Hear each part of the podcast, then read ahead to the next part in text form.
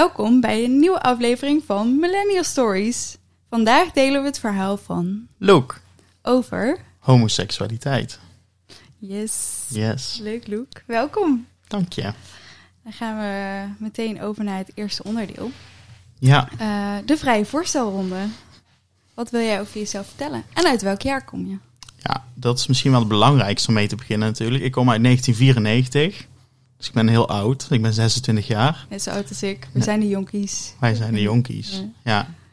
Ja. toch voel ik me oud. Maar goed, dat maakt niet uit. Ehm, ja, ik, eh, ik ben eh, geboren en getogen in Os.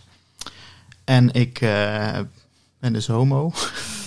nee, wat kan ik over mezelf vertellen? Ik, ik heb gestudeerd, twee studies. Ik heb een rechteropleiding gedaan en een docent Nederlands opleiding. Afgestudeerd en nu sta ik voor de klas. Dat- Superleuk. ja, dat is superleuk. Ik heb het wel naar mijn zin. En nu ben ik eh, bezig om een masterdiploma te halen, zodat ik nog wat meer kan doen binnen mijn vak. En dat, eh, ja, dat vind ik eigenlijk wel erg leuk. Dus zo- dat is mijn leven op het moment. En verder, eh, als er geen corona is, dan eh, zie je me wel in een kroegje. Of op een feestje. Of iets. Niet vaak. Of ik zit gewoon een bordspel te spelen samen, dat is ook leuk. Van alles eigenlijk, ja. Ja, superleuk. Ehm, dan gaan we het hebben over jouw verhaal. Mhm. homoseksualiteit en seksualiteit. Ehm, misschien is het goed om te beginnen met de hoe, wie, wat, waar. Dus hoe ben je erachter gekomen? Eh, wanneer was dat? Ja, ja dat, eh, ik, dat weet ik echt precies. Dat is heel bijzonder eigenlijk. Want ik was nog maar heel jong. Ik was eh, tien. Ik heb op de basisschool ik een klas overgeslagen. Dus ik ging, op mijn tiende ging ik naar de middelbare school. En daar werd ik elf. Dus eh, dat is best vroeg. Ja, Ehm, ik was ook altijd een vroege leerling. En ik kom uit een, eigenlijk kom ik uit een dorpje. Dat is een dorpje naast Os. Dat heet Megen. En ja, niemand kent daar iets vreemds. Weet je, als daar iemand van buitenlandse afkomst doorheen rijdt, dan is het al raar. Laat staan dus dat je ineens anders bent dan anderen. Wat ja, eigenlijk ook wel een rare benaming is, want het is gewoon normaal. Maar ehm, toen ging ik naar de grote school, moest ik ineens naar de stad fietsen. En eh, toen kwam ik in een brugklas en eh, ik merkte al heel snel dat ik eh, mezelf niet echt een houding wist te geven bij de andere jongens. Want eerder zat je natuurlijk met ehm, jongens in de klas van de basisschool.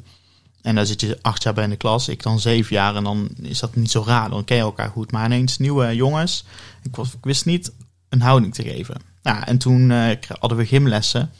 En dan moet je je omkleden natuurlijk. En eh, daar merkte ik dat ik het toch interessant vond om naar... eh, andere jongens te kijken. Nou, help. Want dan weet je eigenlijk nog niet zo goed wat het is. Want je komt uit Mega, je hebt er geen idee wat, eh, wat dat is. En dat gaat zich dus ontwikkelen gedurende je middelbare schooltijd. En dan kom je er eigenlijk steeds, ehm, steeds ja, beter achter waar dit nu eigenlijk vandaan komt. Ja, en dan komt het moment dat je jezelf daarom gaat haten. Want help, eh, ik, kom ja, ik kom uit een dorp, weet je wel. Daar is het niet heel erg geaccepteerd. Ik had ook best wel wat connecties binnen, binnen mijn dorpje. Het is overigens een stad, want ze worden mensen boos als ik dat zeg, dat het een dorp is. Maar het is een stad. Ehm, en toen eh, ja, heb ik eh, alle mogelijke middelen aangegrepen om ehm, ervoor te zorgen dat het anders zou worden. En ik dacht ook dat dat zou lukken, maar uiteindelijk ja, kun je jezelf niet veranderen. Hè? Dat Nee. zit in je. Alsof je moet jezelf een eh, soort shocktherapie eh, aan, eh, aannemen, maar dat, dat ga je niet doen. Dus ja, en ook dat werkt waarschijnlijk niet. en dat werkt niet, want je kunt het niet uit je shocken.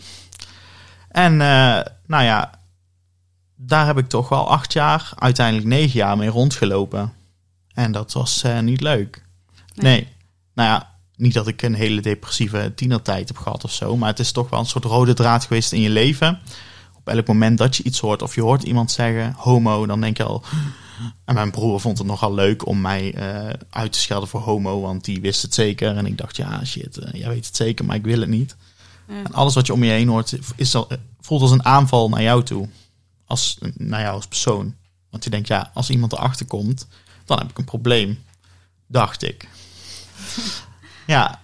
En ehm, toen eh, was ik 19. En toen ben ik uit de kast gekomen. Na heel veel ellende. Maar goed, ja. ja. dat was niet leuk. Ik had toen een jongen leren kennen. Van wie ik de naam niet noem. Maar eh, Die vond ik heel erg leuk. En toen gingen we een beetje in het geheim gingen we een soort van relatie nemen. En hij wilde het niet vertellen en ik eigenlijk ook niet. Ja. Maar ongeveer na een half jaar had ik zoiets van ja, eigenlijk wil ik wel dat mensen het weten. Maar ja, hij zei ja, als je dat doet, dan maak ik het uit. Ik denk, oh ja, dan doe je dat niet. Want ik was echt heel erg verliefd op hem. Het was ook mijn eerste liefde voor, voor een man. Eh, een jongen was het trouwens. En ehm, ja, toen was het denk ik een paar maandjes later. En ik heb een hele toegankelijke moeder. Die vindt alles goed. Maakt niet uit wie je bent. Of, hè? Dus ik dacht, nou weet je, ik ga het gewoon aan mijn moeder vertellen. Dus ik had tegen mijn moeder verteld. Heel luchtig eigenlijk. Ik zat op de bank. Zei ik tegen mijn moeder, ik zei, mam, moet toch iets vertellen? Ik zeg, ik heb een relatie. Ik zeg, maar het is niet met een meisje. Nou, die vrouw die wist natuurlijk al lang. Die is niet gek. ja, Daarvoor is het ook je moeder. daarvoor is het mijn moeder. En toen eh, was, was het eruit. Maar toen eh, hield hij eh daar bij woord en maakte hij het uit. Want hij wilde absoluut niet de mensen twisten. En toen was de, de coming out zelf was niet echt een dilemma of een probleem. Maar wat daarna gebeurde wel. Want die jongen die ging van alles proberen om ervoor te zorgen dat hij niet gezien werd als homo. Dus ik ben aangeklaagd voor, eh, ik ben aangeklaagd voor eh, verkrachting. Nou, ik vergeet nooit meer. Toen kwamen ze, kwam ik thuis. Ik had net mijn propenduizen gehad van rechten. Dus ja, dan studeer je al rechten. Er staat ineens politie voor de deur. En eh, die heeft mij aangeklaagd omdat ik hem verkracht had. Ja, nou, dan moet je mee. Want je bent meerderjarig. Hij was twee jaar jonger dan ik. Dus dan zit je naar het bureau te proberen te vertellen dat, je, ja, dat het onzin is. Ja. En ehm, nou goed, ik, je, volgens mij hadden we toen nog geen WhatsApp. Ik weet het eigenlijk niet meer zo goed, maar in ieder geval sms'jes. En Facebook Messenger was toen ook al een ding. Dus eh, ik kon gewoon aantonen, ja, dit waren onze gesprekken. Ik zei, ik heb dat echt niet gedaan, weet je wel. Ja. Nou, en toen waren de aanklachten waren gedropt, zeg maar.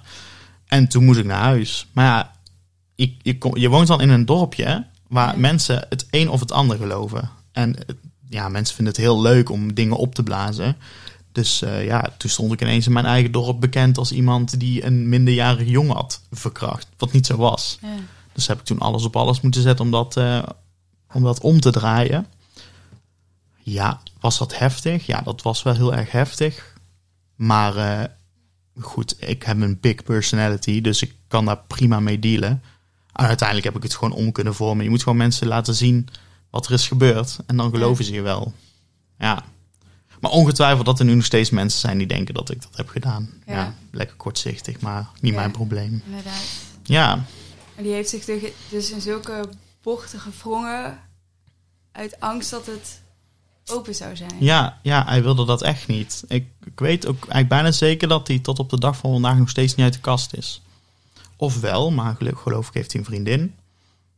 Ja, en eh, ik vond het wel grappig, want ik heb ben hem daarna nog een keer tegengekomen. Toen eh, werkte hij ineens op het terras in Os. Nou, wie zat daar elke week, Loek? Nou ja, dus eh, ik kwam hem tegen en toen dacht ik, ja, ik kan het niet laten. Weet je wel, ik ben inmiddels ben ik, heb mezelf ontwikkeld. Ik ben e- eigenlijk eindelijk de persoon die ik wil zijn. Of ja, dacht te willen. Ja, ik wilde op die. Ja, eigenlijk hetzelfde als nu. En toen ging ik hem confronteren. Ik zei, ja, zo durf je nou aangifte te doen tegen mij. Toen zei hij, ja, dat heb ik niet gedaan, Luke. Toen dacht ik, ja, de, jij bent degene met dezelfde achternaam als degene die aangifte heeft gedaan.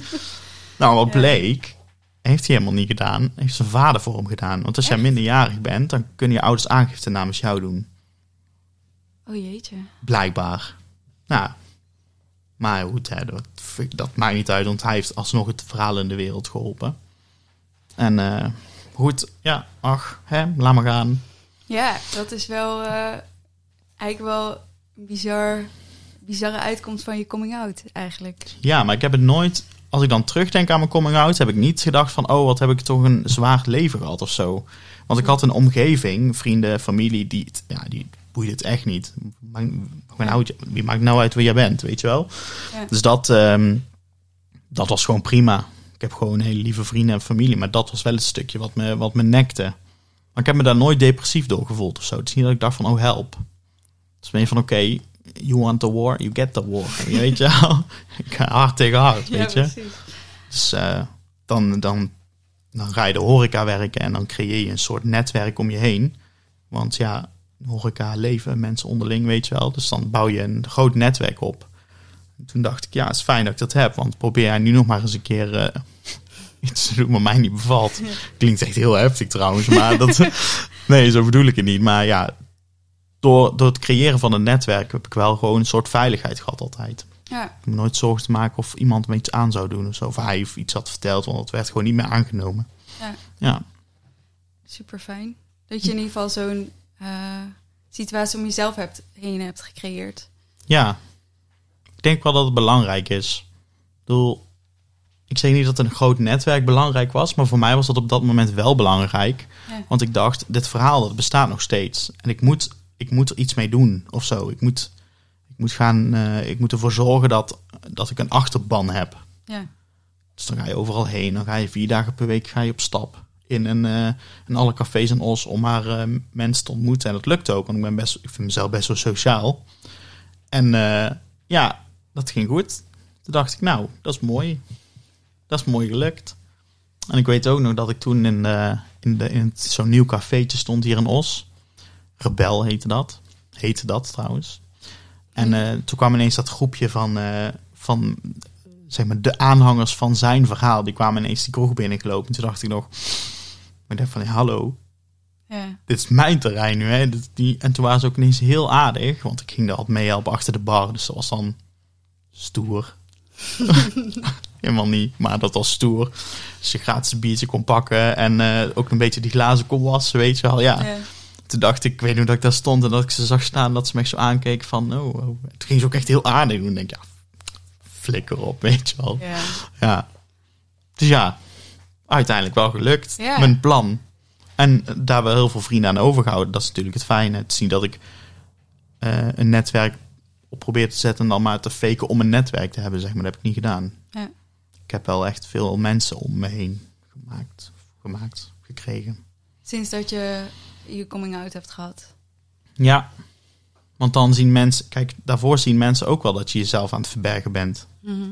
Want dat ben je echt aan het doen. En ehm, op het moment dat je dus ineens, het is een soort ja, uit de kast komen en je zet een deur voor jezelf open. Hè? En als mensen dat zien, dan zien ze wie jij bent. Wie je echt bent in ieder geval. Ja. En dat is gewoon best wel, eh, dan ben je ineens een mooi mens. Want Ja. je kunt jezelf zijn. En dat waarderen mensen denk ik heel erg. Dat denk ik ook, Ja. inderdaad. Dus dat is denk ik wel. Of ik ben gewoon heel leuk, dat kan ook natuurlijk. Maar Dat ik sowieso. ga er heel even vanuit. Dat, sowieso. Ik ga er heel even vanuit dat dat komt en dat je gewoon lekker jezelf bent en eh, gewoon je ding kunt doen. Ja. Ja. Had je dan dat je jezelf een minder mooi mens vond voordat je uit de kast kwam? Ja, heel erg. Ja? Ik haatte mezelf echt. Ik weet ook dat ik eh, een tijdje heb bedacht. Ik moet misschien toch weer gaan geloven in een God.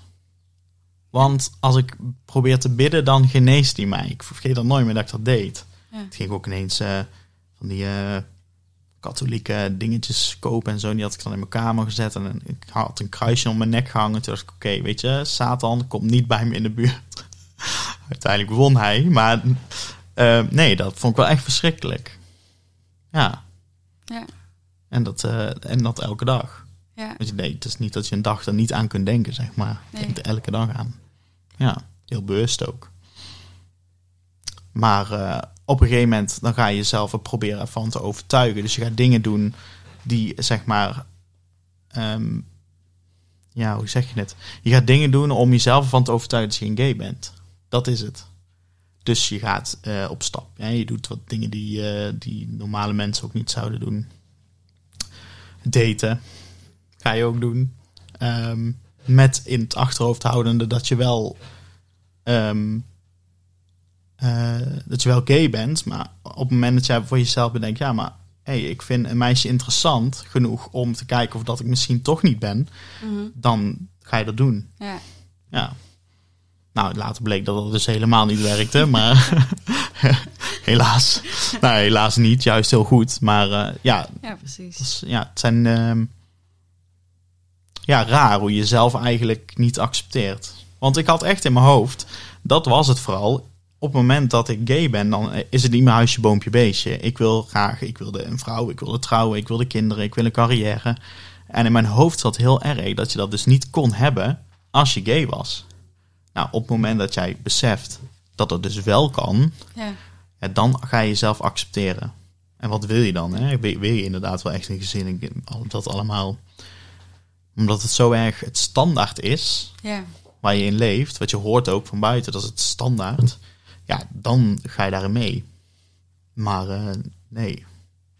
En wanneer kwam dat besef dat dat, eh, dat dat wel kan? Dat je wel een gezin of wel een...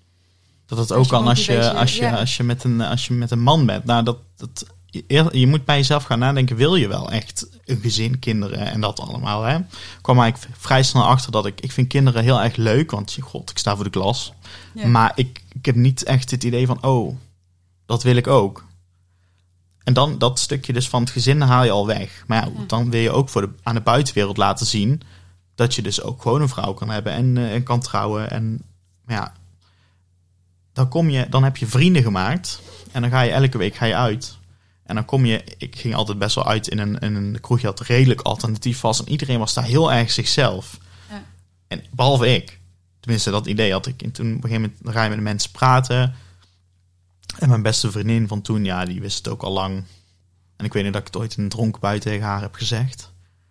Toen zei ze, ja, maar ja, boeien. Dat, dat is volgens mij de trigger waarop ik dacht van, oké, het kan dus wel gewoon. En toen had ik dus die jongen, dat, dat vriendje van mij, en toen dacht ik, oh, maar dat hele perspectief van later, dat kan ook gewoon met hem. En als je dat beseft, dan, eh, dan komt het wel, dan komt die acceptatie voor jezelf iets sneller, denk ik. Ja. Dat een beetje goed uitgelegd, ja. Ja, zeker. Ik te denken of ik iets vergeet, ja. Ja, wat ik wel eh, bijzonder is, en dat is natuurlijk... ehm, voor mij is de situatie heel anders, omdat ik... Ik ben redelijk normaal tussen haakjes, want dit is ook normaal. Ja. Maar ik, ik ben een vrouw en ik val op een man. Mhm. En eh, nou ja, dat is het. Maar waar dan eh, de angst vandaan komt van als ze erachter komen, gebeurt er iets ergs. Komt, Ja. dat, komt dat doordat je in een dorp bent opgegroeid? Nee, Of komt dat doordat, want je familie is dus best wel eh, accepterend mhm, daarin, Heel erg. heel open. Ja. Waar zit dat hem in? Ik weet niet wat het is. Ik denk dat het toch een stukje maatschappij is of zo. Ik bedoel, je hoort en je ziet dingen. Ehm, maar je ziet, als je dus in de kast zit, zie je eigenlijk vooral de slechte dingen. Dus dan weer in het nieuws dat er, eh, dat er een homostel in elkaar geslagen is. Of weer zoveel landen die dat allemaal verbieden. Ja, dan denk je, ja oké, Nederland staat het wel toe. Maar staan we het echt toe met z'n allen? Ja, Ja, en je hebt genoeg gekke mensen die bedenken dat het dus niet kan. Zeg maar, hè? die vinden nog steeds dat het eh, geneesbaar is. Ja, en dat, daar, daarmee zit in je hoofd. Je Ja. zit niet in je hoofd met de mooie dingen, tenminste ik niet. Ik zat echt niet zo van, oh wauw, en kan ik lekker mezelf zijn. En nee, je hebt altijd wel het idee dat je wordt aangekeken op het moment dat je dan op dat moment jezelf zou zijn. Dus homo. ja. Dat is het vooral, denk ik. Van buitenaf. Ja, eh, maatschappelijke normen en waarden ja. dus iets afwijken van wat de meeste mensen weer tussen haakjes normaal. Ja, we, we doen tolerant. En ik denk echt wel dat het een plus is dat ik in Brabant woon. Ik heb altijd het idee dat het daar iets eh, toegankelijker is. Ik bedoel, je zou maar opgroeien in een Bijbelbelt en erachter komen dat je, hè, dat je, dat je homoseksueel bent. Ja, dan heb je een probleem. Letterlijk een probleem. Ja. Ik bedoel, ik ken ook een jongen die daar eh, opgroeit. En eh, die ouders zijn echt streng eh, katholiek. En hij is homo. Ja, zijn eigen ouders die zitten hem echt aan te kijken van... Dan denk ik, hallo, Ja. je haalt, je haalt dit argument uit een boek. ja. En dat boek is hoe vaak herschreven? Nou, vijftig keer of zo. Nee, lekker betrouwbaar. ja, maar goed. Hè? Dat, daar heb ik ook een hele mening over. Maar laat maar even liggen. Nee, maar dat is het vooral. Hè? Van buitenaf wat je hoort, wat je ziet. En op het nieuws zie je ook vooral de negatieve dingen. En je ziet nooit, je ziet, je ziet wel de pride. Oh, dat is het ook nog trouwens, die pride. Ja, dan Ja. zie je daar mannen op een boot staan. Dat ik denk, nou, echt mij niet bellen. Weet je, wat ziet dat eruit? ja. En dan ben ik daar één van. Dat is het ook een beetje. Hè? Je, je vergelijkt jezelf met het echt het. Met die, die een beetje de. Ja, de vrouwelijke type. Die echt zichzelf als, als een stukje vrouw zien ook. En die dus met in pakjes op de boot gaan staan in Amsterdam. Ja, dat doe ik niet. Dus voel je gewoon niet door aangesproken. Nee, daar voel je niet door aangesproken. En dan denk je dus ook van, oh, is dan toch niet. Of, maar als ik uit de kast kom, dan zien mensen dat. En niet de normale mensen. Ja. Dat, dat is denk ik ook wel een beetje hoor. Dat je zegt, eh, hey, ik ben homo, dan zien ze meteen zo, hey, hoe is het meiden? Nee, ja, kan ik ook zijn hoor, maar dat, dat zien mensen denk ik eerder dan gewoon de normale mannen die je op straat tegenkomt. Ja. Ja. Dat je, je bent eigenlijk gewoon een normaal mens. Je bent echt een heel erg normaal mens. Nou ja, wie is normaal? Normaal is ook maar zo saai, zeg ik altijd. Ja. Maar ik denk dan ben je toch... eh, ik denk dat je dan toch... Ja, je bent, niet, je bent anders, maar je bent niet anders dan... dan ja, hoe zeg je het? Je bent niet anders dan Je, anderen. bent niet, je doet niet abnormaal, laat ik het zo Nee, zeggen. nee ja, inderdaad. dat is het. En hoe eh, sta je er nu in? Merk je dat je... eh, dat er op straat en door andere mensen anders naar je gekeken wordt? Nee, helemaal Als je niet. zegt dat je... Nee, echt niet. Ik heb nog niet één keer buiten dat hele begin een negatieve ervaring gehad in mijn leven. Dus ik ben nog nooit op straat aangesproken. Ik ben nog nooit eh, daarom gepest of zo. Ja, nee, ik heb echt nog nooit een negatieve ervaring gehad met dat iemand iets naars zei tegen mij tijdens het uitgaansleven of op straat nog nooit. Dus ik ben nooit nageroepen. Ik ben ook nooit, eh, nee. Misschien komt het omdat ik er super hetero uitzie als ik loop.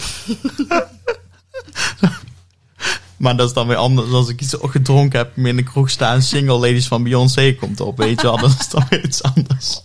Maar ja, maar ja, dan sta je ook in een, in een tent met studenten. Ja, volgens mij zijn studenten tegenwoordig allemaal redelijk eh, tolerant.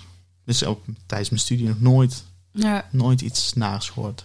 Of achter mijn rug om. Maar ja, dan heb ik het zelf niet gehoord, vind ik het ook prima. ja inderdaad. Ja. En voel je je dan ook aangesproken door de LGBTQ ehm, community? Het is net als millennial community echt heel groot. Ja, ik, ehm, ik denk dat ik ehm, wel aangesproken voel door de community. Ik denk ook wel dat ik er onderdeel van uitmaak. Maar meer omdat ik dus homo ben. Maar ik zet mezelf niet in voor de rechten of zo. Het is niet dat ik eh, in mijn tuin een, een regenboogvlag ga hangen. Ehm, deels uit overweging dat ik zoiets heb van... Ja, weet je, als wij dan zo erg streven naar bij het normaal horen. Waarom willen we dan alles apart? Waarom willen we een aparte vlag? Waarom willen we een aparte dag? Waarom willen we iets aparts als we dan toch alles normaal willen hebben? Ja. Maar aan de andere kant denk ik van ja, als we het niet doen, dan blijven mensen een beetje kortzichtig. Dus ehm, ik help ehm, jongens wel. Hè? Ik bedoel, wat ik net zeg, die jongen die uit ehm, die bij zijn ouders woont, die katholiek zijn, ja, die steun ik wel echt. Omdat ik denk van ik kan hem echt helpen.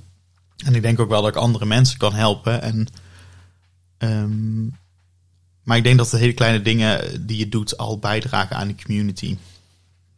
Ja. Ik weet niet, eh, er is een, een boek van Splitter Chabot. Ik weet niet of je hem kent. Confetti Regen.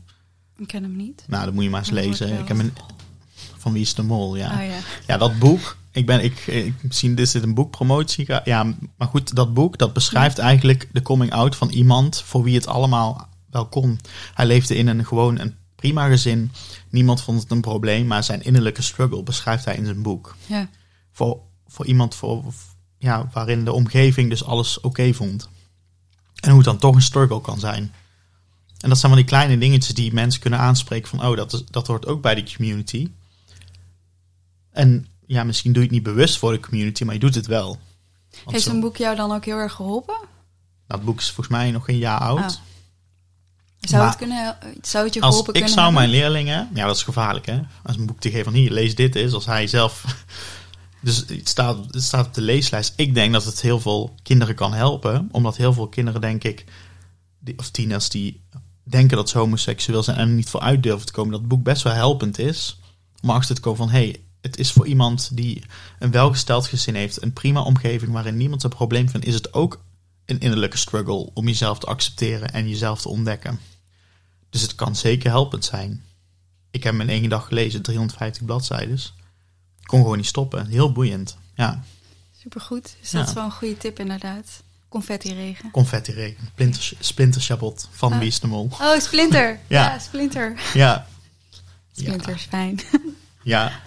is een goed boek. Oké. Goeie. En hoe eh, staan er bijvoorbeeld... Hoe denk je dat er met andere generaties om wordt gegaan. Bijvoorbeeld generatie, want wij zijn millennials, Mhm. generatie Y. Uh, maar je hebt natuurlijk generatie X die onder ons zitten. Ja. Dus eigenlijk onze ouders. Ja. Of generatie Z, degene aan wie jij lesgeeft. ja, dat is dus wel bijzonder. Is dat generatie Z, ja? Ja. Oh, grappig. Ehm, ik geef les aan eh bruggers, tweede klasse en vierde klasse.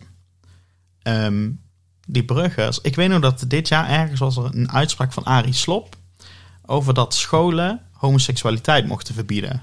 Ja, je- weet je dat nog? Nou, Ja, dat was zo bijzonder. En wij bespreken op school tijdens de mentoruren maatschappelijke kwesties. En ik zit dat zo met mijn klasje te bespreken. Wat hij dus heeft gezegd, wat dat betekent. Maar niet zo eenzijdig, want ik ga niet mijn eigen mening. Je moet, ze moeten zelf een mening leren vormen, dat is het idee. Mhm. En ik zo uitgeleend, die klas kijkt me zo aan en steekt er zo'n jongetje zijn hand op. Zo. Ik zeg van ja. Hij zegt, maar kun je dan ergens worden afgewezen omdat je jezelf bent? En ik, oh, een kindje van 12, die beseft dat die, die- het boeit ze niet. ja, Die worden echt, eh, die, die groeien op in een, in een soort maatschappij waar het steeds geaccepteerder is of zo. Ik ken op mijn hele school niemand die daar een probleem mee heeft. Nou ken ik ze ook niet allemaal. Maar ik heb niet één keer eh, iets naars gehoord bij ons op school. Dus ik denk dat het voor de nieuwe generatie redelijk ja, toch weer normaal wordt gezien als we dan toch over normaal spreken. Die vinden dat niet erg. Dus Ja. een stukje opvoeding. Hè? Ik bedoel, kinderen die nu opgroeien, van zijn oud, die ouders zijn 30, 35 jaar.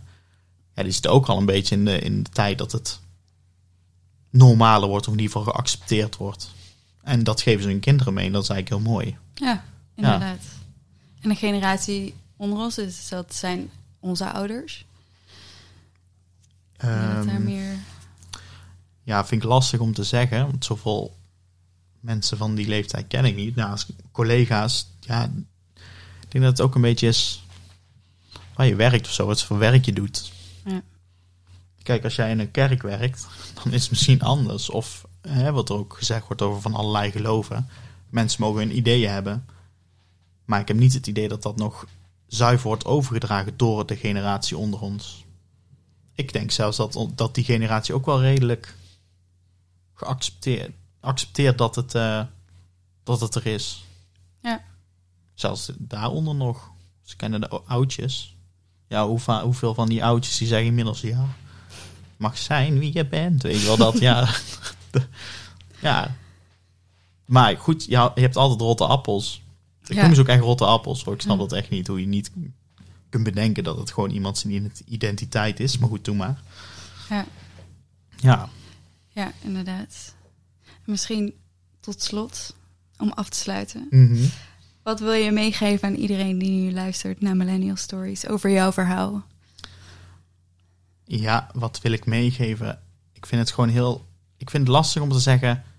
eh, blijf wie je bent. Want dat vind ik echt heel erg cliché.